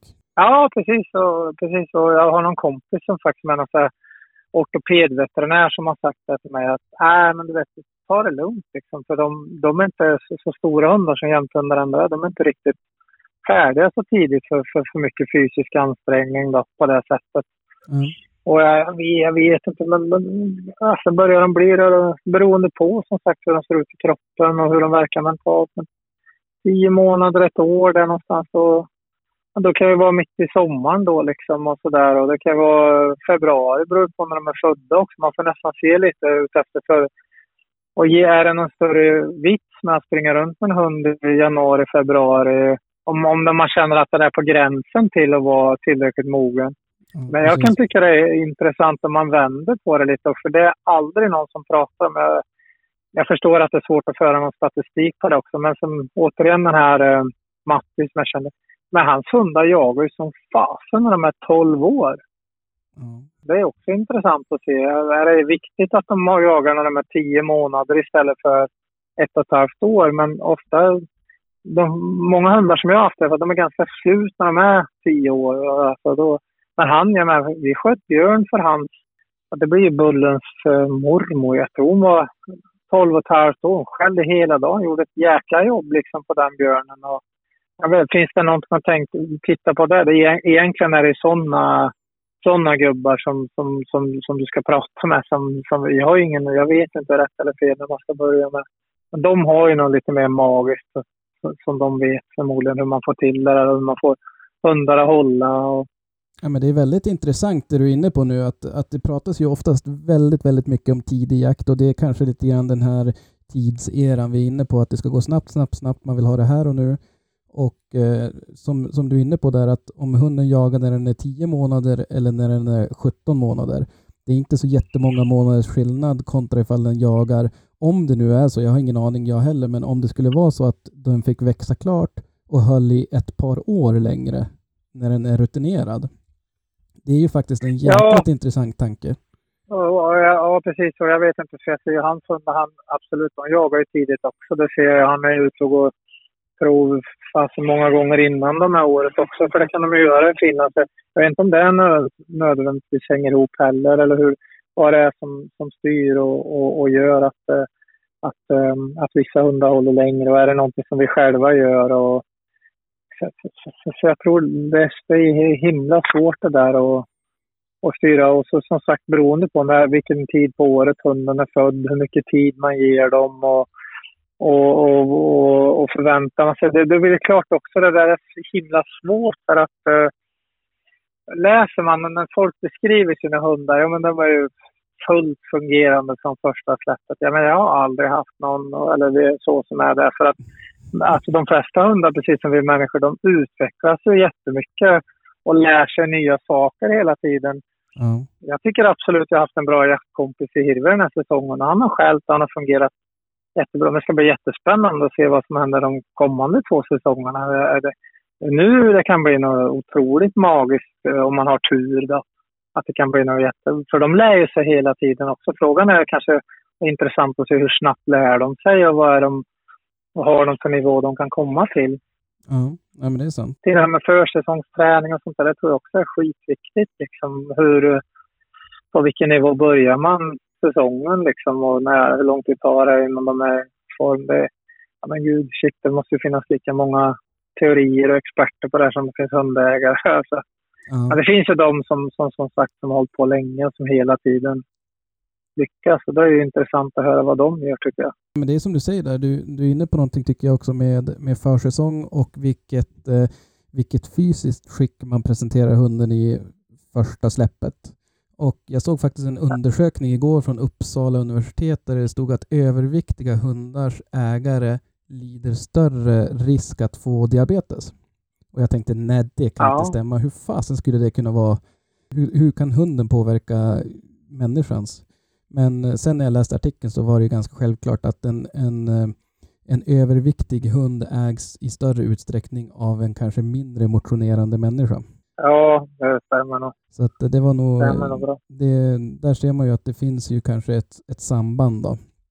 Men jag tänker det, du var inne på lite grann det här utveckling och hur de lär sig. Vad är det viktigaste egenskaperna? Du har sagt att du vill att de ska jaga ganska självständigt om jag förstått det rätt, eller söka ut självständigt. Du är inte så, så jätte, vad ska man säga, du, för dig är det inte jätteviktigt att de kommer och tar kontakt eh, stup i kvarten. Nej, nej precis. Nej, men sen tror jag det är som för alla andra innerst inne. Alltså, har du en hund med otroligt bra ståndegenskaper då, det är väl det viktigaste att det skäller så mycket som möjligt. Det är väl det man vill ha. Alltså liksom, det är det är väl det viktigaste tror jag. Ja. Är det någonting annat som det surras mycket om eh, på sociala medier och i, i jaktkretsar som du eh, inte tycker är så himla viktigt? Uh, nej, jag vet inte. Som sagt, det är väl olika för, från person till person. Men eh, Och sen beror det olika på förutsättningar hur man har att jaga. Men jag, jag, jag är väl också inne på det här med liksom att intåget av pejlen har ju förändrat hela hundjakten. Ja.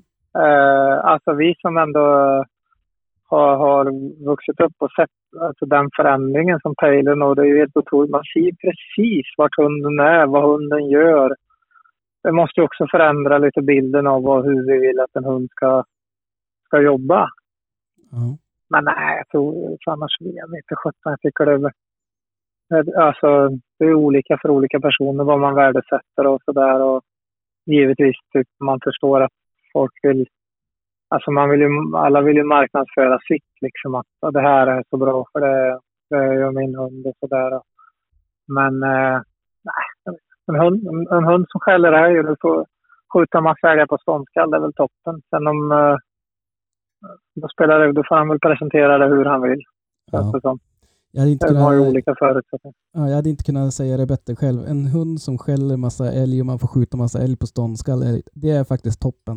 Ja, det, det är väl egentligen det man vill ha. Sen om de springer bakåt i vind eller mot vind i spår. Och det, de får Ja. göra som de vill. då. Men det vet jag, det är många som pratar om om man tar upp i vind eller om de går på spår och sådär. Ja. Det är svårt att säga. Jag tycker, jag tycker man kan se att de gör...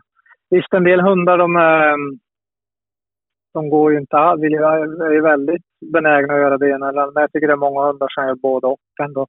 Faktiskt. Ja, Nej, men så är det. Så är det.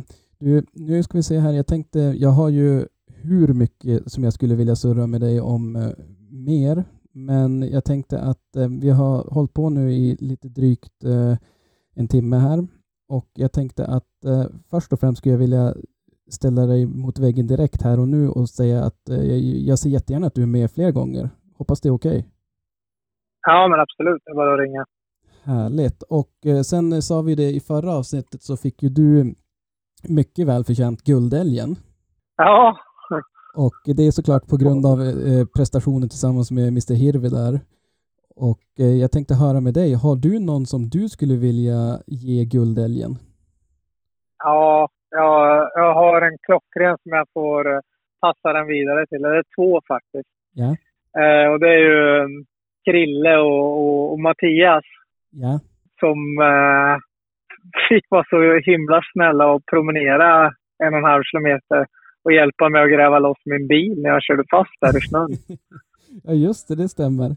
Ja, och det, det, den satt ordentligt kan jag säga. Vi höll på eh, väldigt länge. Ja, Så att, äh, det, det, det får bli, om man får avsluta med superguldälgar till de killarna så absolut. Jag var otroligt tacksam. Jag hade nog suttit kvar där än om inte de hade kommit. ja nej men det, det var välförtjänt. Men härligt Jonathan, är det någonting som du skulle vilja ha, ha sagt som jag inte har, har frågat om? Nej, nej, nej, nej, absolut inte. Jag tycker um, ni gör ju en fantastiskt bra podd. Det var jätteroligt att få vara med. Ja, jag hoppas verkligen att du vill vara med betydligt fler gånger. Jag, jag tycker att det är alltid lika intressant och roligt att, att prata med dig. Ja, men jättekul. Men, Jättekul. men härligt, då kanske vi säger så för den här gången och så får jag önska dig en, eh, ett gott nytt år blir det väl? Ja, men detsamma. Gott nytt år på er allihopa. På återhörande. Tack så mycket. Hej då. Hej!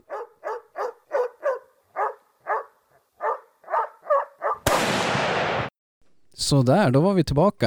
Yes. Vad, eh, vad tyckte ni då? Vad, vad säger ni? Trevligt. Mycket trevligt. Det där är någon kille som, som kan sin sak tror jag.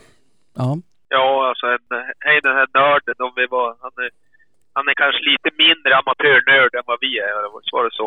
precis. Han är Ja. nästan kanske expertnörd. Ja, han är väl där och nosar i alla fall. Vi ska inte dra han för långt alltså.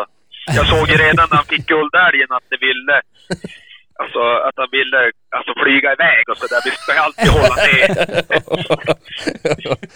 Han får Ja. inte få vingar den där karln. Det här, Nej, nej, alltså en halv Red Bull direkt. det här är Jante-avsnittet. Ja. Nej, men det är, det är ju jävligt in- Jag älskar ju att, att prata med sådana här killar eller allmänt folk som är Mm. intresserad. Ja, Alltså, det här är så jävla skoj. Det är det man brinner för. Mm.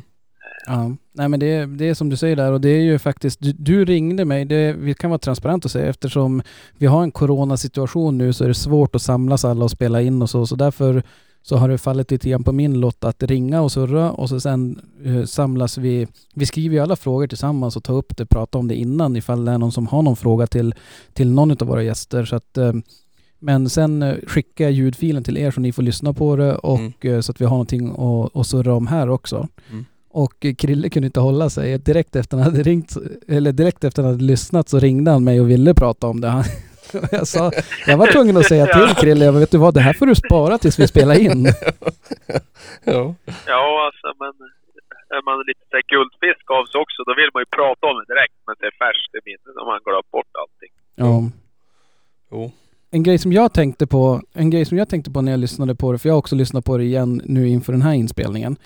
Och eh, som vanligt, det är ju alltid lika roligt att höra på sig själv. Och jag såg, jag upptäckte att micken min var trasig, så jag har faktiskt bytt mick nu. Mm. Hoppas det låter lite bättre. Det var inte alls något bra ljud för, eh, på, på min mick. Ja, men jag tycker att han hördes hyfsat. Gick jättebra här va? Så. Ja, absolut. Så att, eh, men eh, någonting som jag re- reflekterar över lite grann där, det var att jag eh, tydligen har ändrat lite grann eh, ställning där. Jag har ju varit tidigare i podden, jag pratat mycket om att jag vill ha en hund som ja, men har mycket kontakt med mig. Mm. Och Jonathan var ju inne på att han ville inte ha det. Utan det han ville, nu får ju han säkert, ja ni har ju hört vad han har sagt så att eh, jag kanske har missförstått det men som jag förstod han så var det att han ville ha en hund som jagar ganska mycket självständigt och springer ut och hittar en älg helt enkelt. Mm. Och eh, ja, när man lyssnar på hans och, och, och har träffat hans hundar så tänker jag att ja men det är inte så jävla dumt det heller. Alltså det är. Jag tror anledningen varför jag vill ha haft kontakten det är för att när min hund sticker iväg som den gör, den gör ju precis på samma sätt som, som hans hundar. Mm. Men eh, det är inte lika säkert att det letas älg och hittas älg. Nej. Så hade man haft den säkerheten då, då tänker jag att då skulle jag också vilja ha en, en älg som jobbar, eller en hund som jobbar så mer. Mm. Som gör sitt jobb alltså. Han, han ger sig inte förrän han Nej. älg. Nej, precis. Oavsett störning. Alltså det är ju... Ja, alltså där har vi där är det ju ett jävligt, eh, alltså väldigt eh, hårfin gräns alltså. Djävulskt. Ja. Ja, hur menar du? Oftast hamnar de ju, eftersom de får sådana kanske stora, ja men att de lägger iväg bara. Mm. Alltså. Utan, vi säger, från, från, från start så har de ju ingenting i näsan. Mm. Det är ju som utgångsläget säger vi. Mm. Oftast. Mm. Så då är det ju det att, då är det ju precis som du Daniel säger. För om de då åkte där och så helt plötsligt, ja men då kom de på en väg och så kanske de tar den vägen en bit. Alltså det har man ju sett att det kan bli ett problem. Mm. Alltså, Ja. inte, jag pratar inte om våra hundar eller jag pratar allmänt många hundar. Att de, eh, och så är det ingen älg, alltså de hittar inte åt någonting. Och sen blir det då annat och så helt plötsligt så är det kanske en hare där uppe eller ett rådjur de bung, alltså Mm. är bara, är som bara flyter iväg och blir som inget... Då är det jävligt viktigt det där att det är målmedvetet som han sa. Mm. Och sättet att söka. Mm. Sökmönstret hos den hunden. Mm. Ja. Men jag tänker det, det är ju det som han, eh, som jag tänker med hans hundar. Eh, när, det, det du beskriver där, det är ju en, en dag i skogen med Jax. Han sticker iväg och står man där och ja, men funderar alltså, vad ja, som... men alltså hej, hej, det är den, hej, ändå en hårfin gräns mellan dem vill jag påstå. Ja, det är väl åtminstone tre länders äh, jaktchampionat i alla Ja, fall. ja, Men- det, men inte det, det, men, det pratar inte om hur duktig den är eller någonting. Men alltså hur det kan utveckla sig. Ja, nej men, nej, men Alltså så det är det. är ju många timmar Nej. som kan försvinna på grund av att hund är inom parentes och ralla. Alltså Ja. springvägar, jagar rådjur, Jo, eh, absolut. skällfågel eller vad fan han Det, gör. det köper jag till, till 100 procent. Men är inte det samma sak ifall de inte söker ut, även om de har mer kontakt med dig, Mm. så är det väl på samma sätt att eh, då kan det väl snarare vara så att det stö- att, man, att de ehm, hur ska jag förklara? Nej men att man går själv och att på så vis stöter man älgen. Så när de får tag på en älg, då har man Mm. redan stött den lite grann. Men Precis, men det, det var ju det. Ja, men då... Jag tycker ändå att han, han, han sa ganska kloka grejer där, alltså, alltså utifrån hur han vill ha det. Ja. Han vill ju ha den hunden som söker ut målmedvetet, jagar älg, punkt. ja. Medan, Jo, men han vill ändå ha, alltså som jag förstod han så, att, så är han ju också jävligt skeptisk till att det blir som jag säger då. Men Alltså att han söker, vi har ju sett jättemånga som söker på samma vis, men det är det att de söker metodiskt ändå. Mm. Även fast de inte följer med, med, med föraren så så söker de ändå kanske sina 800 meter cirklar Mm. åt olika håll Mm. på sin, sin. Och de far aldrig efter någon väg eller att de far aldrig och gör något annat så att säga. Nej. Nej. Nej men det, det köper jag. Det är ju 100% att Nej. så länge, alltså förutsättningen är ju att den ska söka älg. Mm. Då tycker jag ju att, och det är det jag tycker hans hundar gör i så stor utsträckning, att de, när han vet att även om, om han aldrig mer ser hunden på hela dagen, så är han efter älg. Hunden gör det, det den kan för att hitta älg. Och det är som du sa där Krille tidigare, att jag menar, det, är- någonting säger mig att båda hans hundar nu, det, det blir mycket skällning. Alltså finns det älg så är de ganska duktiga på att hitta dem. Mm. Ja, ja. Så att, Ja. eh, och det tycker jag också, det är också en sån där grej som, som, jag vet inte, jag tycker att ni, både Krille och Jonathan resonerar lite grann samma lika där med att hur hunden gör är mindre viktigt, bara den gör rätt saker. Så att, eller bara Ja, alltså. Den hittar älg själv. Absolut. att få fast det. Ja, men alltså just att han har den där, den där klokheten. Mm. Alltså, och lär sig saker kanske och utvecklas och, och jag menar att hela tiden, han blir bara bättre och bättre på att hitta åt den där älgen oavsett. Alltså, Ja. Mm. för varje dag som går så blir han bara strået vassare varje gång du släpper han. Ja. Mm. Jag tror att Det går vi, snabbare. Jag tror att vi var inne på en grej där i samtalet också, där med att han jagar på många olika marker med de där hundarna och att det är mycket resande och, och hit och dit och nu har han ju varit i, i tre länder i, Det, det Jag- måste jag säga, det tycker jag är jävligt imponerande. Ja. Av hund alltså. ja ja, ja men jag tycker nästan att det är imponerande av Jo, Jonathan också. Men, men jag tänkte ju ur jaktliga synpunkten att, att hund oavsett vad han gör, Ja. eller var han är, Mm. gör han det han ska göra. ja, med är, främmande folk, med ja, nya marker, nya lukter säkert, nytt område. Alltså hundjäkeln jagar ju. Ja. Punkt. och det är det, oavsett. det, det är det jag är lite grann ute efter också här med att han, han ehm, hunden vet vad målet är. Alltså Mm. att han, han ska hitta älg och Mm. skälla på älgen. Få Mm. fast älgen och skälla där. Mm, Sen spelar det egentligen ingen roll vad, vad som händer runt omkring. precis. Han ska vara i sin lilla bubbla där. Oavsett Ja. mark, område, folk eller någonting. Jo, Det- för även alltså terräng spelar in Ja, ja. också. Ja, ja. Oh. en del. Alltså, jag märker jag väldigt, jag minns första gången jag var i Jämtland, där jag tänkte att det här är inte sant. Alltså jag har ju tyckt att vi ändå har haft lite dåliga marker, alltså rent eh, terrängmässigt alltså. Och här, där finns ju inga berg eller så. Men alltså jag är ju hundra gånger hellre hemma, alltså mycket lättare att jaga i de här markerna vi har här än där. Alltså. Att här märker man skillnad på hundarna. Att Ja. det tar ut sin, att det blir, eh, ja att det märks att det är skillnad. Ja, men vad menar du? Du Och sa att det var dålig terräng. Vad, berätta, vad är dålig terräng? Ja men där du? var det bara, alltså, ja men det är bara mycket, mycket vet, eh, sankmark och där det är bäckar och sådär, där det är mycket, alltså sådana här eh, tuvigt och Mm. ja, men dåligt, ja, i, min, i min värld så är det dåligt skött skog alltså. alltså där är det dåligt röjt och här är mycket Mm. Ja. vuxit för länge. Mm. Och alltså om jag då säger att till exempel bilar kanske tre första kilometerna snittar mellan 20 och 25 typ. Ja. Där är hon ju nere på 12-15 i tempo. Mm. Alltså, Mm. alltså det syns Ja. jättetydligt när man ser alltså, i en sken. Alltså, och de hinner ju sällan, om inte de står från början, så alltså det är sällan de hinner ikapp dem eller så att det blir... Och även att de gör illa sig hundar och sådär. De stampar sig och det blir mycket... Ja men det är, tuffare. Absolut. Alla just den marken alltså, jämfört med här hemma. Även fast vi har höga berg och så, så är det tallhena här är ju lätt, det är lätt gott.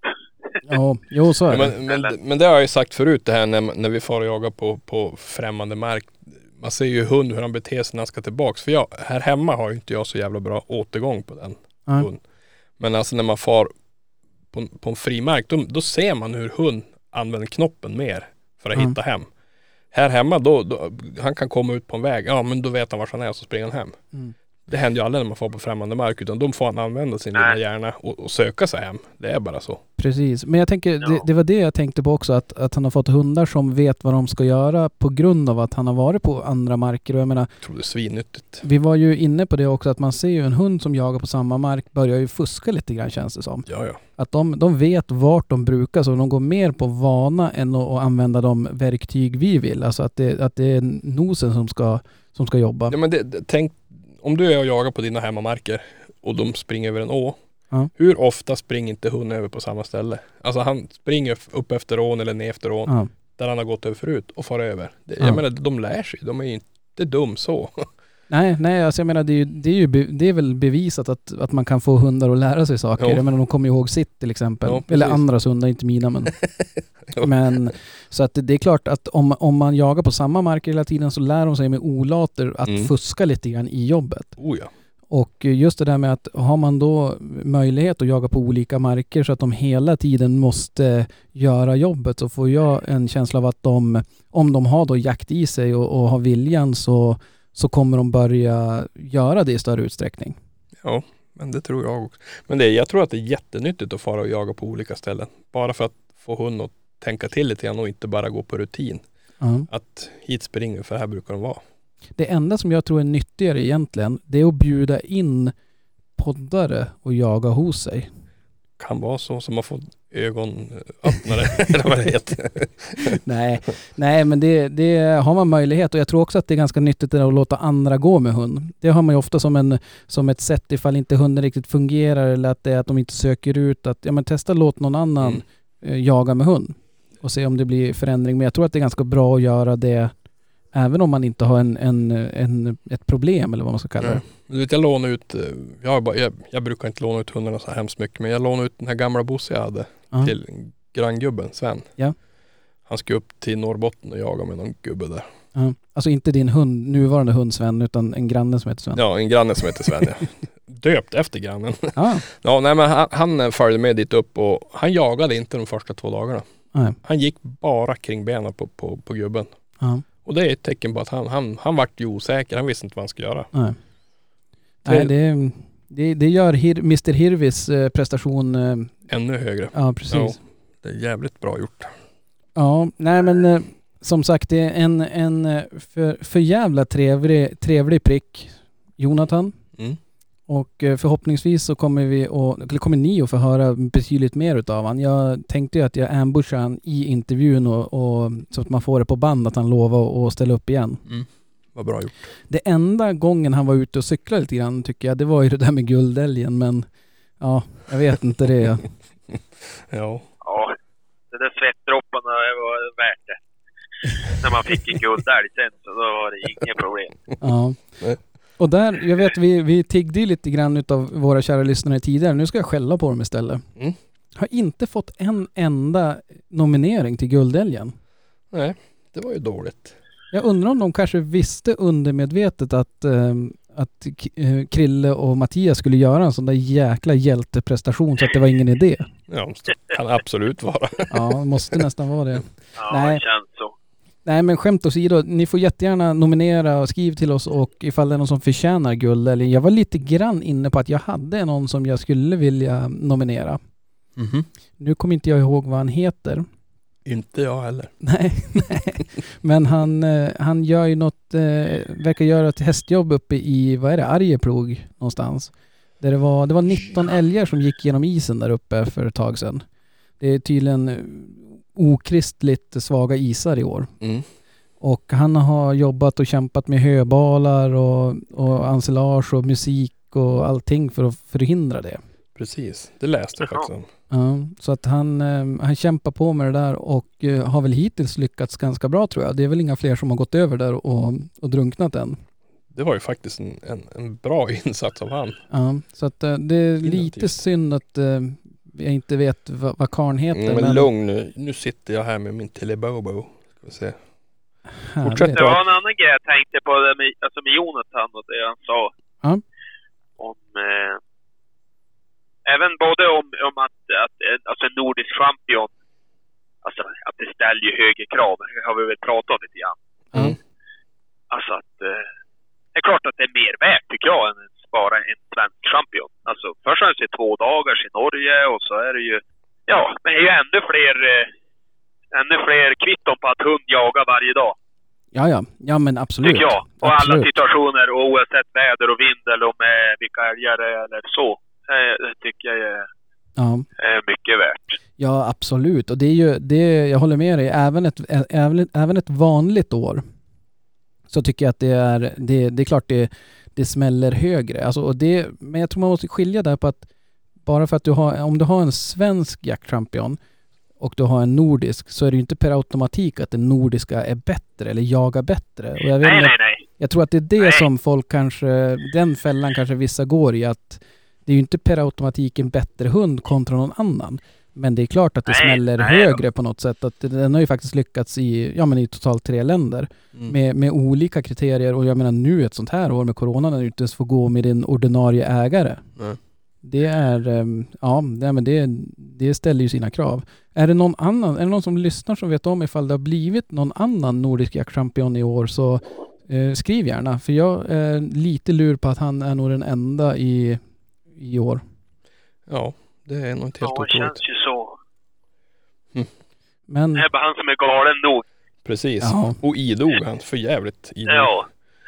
Du, vet, vet du vad han Ja. hette? Han i, han i... Fan, jag har inte med mig glasögonen. var det Arjeplog? Uh, ja. Arjeplog. Lippi utanför Arjeplog. Stefan... Stefan heter han. Stefan heter han. Hall... vet Jag, jag ser fan inte vad det står. Så jävligt pinsamt. Men om du istället gör motsatsen till ny på skärmen, ge ut och zoomar du. Ja, det- Jag försökte det. Nej men han, han det, var, det var jävligt bra gjort av han. Ja, Stefan. Stefan. Vi, vi säger bara att han heter Stefan. Jag, jag tog en skärmdump, nu kan jag zooma. Hallnor. Hallnor. Stefan Hallnor. Jag eh, skulle vilja ge dig guldälgen. Mm. Sen, eh, där är vi oense jag och Jonathan. Men nej. nej men jag tycker det var, det var fint gjort. Det Mycket var, bra det gjort. var, ja. Och, in, och innan Krille tar någon, någon, då kan jag ge hans fru, Stefans fru, en guldälg också. För de står ut med att han gör så mycket jobb. Ja, sant. Om man har en, vet du det? det vet jag inte. Det har jag ingen aning om. Nej, nu kanske du gjorde Stefan ledsen helt Jag kan, plötsligt. jag, förlåt, det var inte meningen.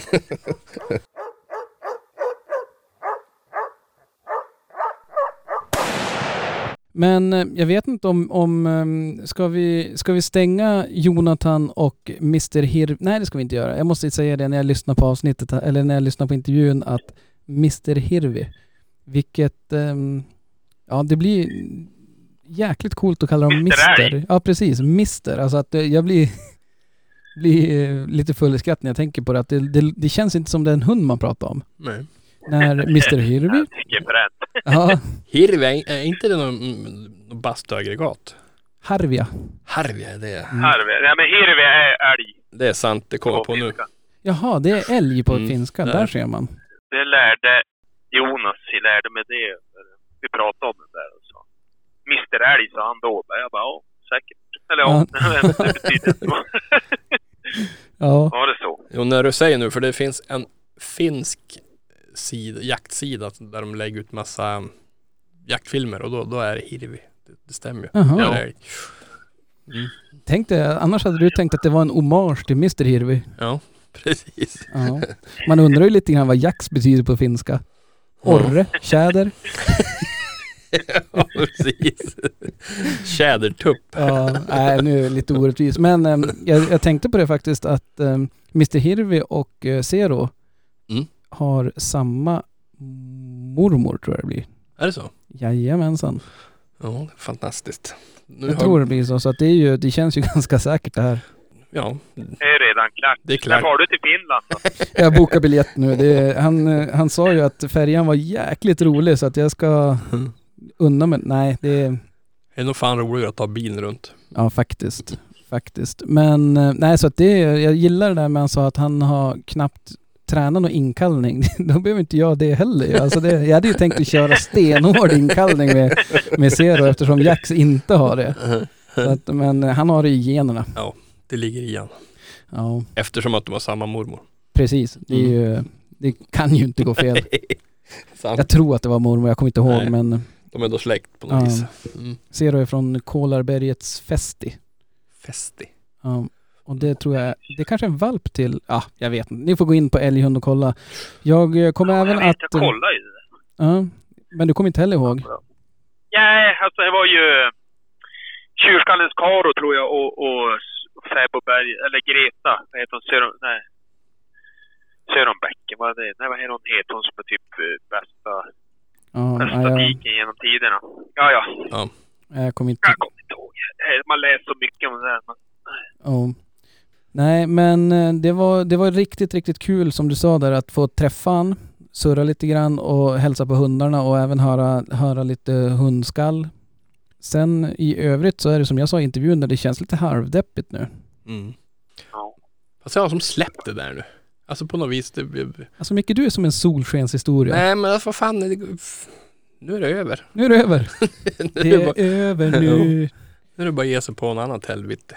Ja, nej men så är det. Och eh, jag tänkte faktiskt på det. Jag ställde ju en fråga i vår Facebookgrupp, Älgjägare emellan surr. Mm. Gå gärna med där om ni inte är medlemmar. Och eh, fick eh, vad, vad folk vill höra om. Mm. Och jag är så himla glad. Såg ni vad som fick minst röster? Hittills i alla fall.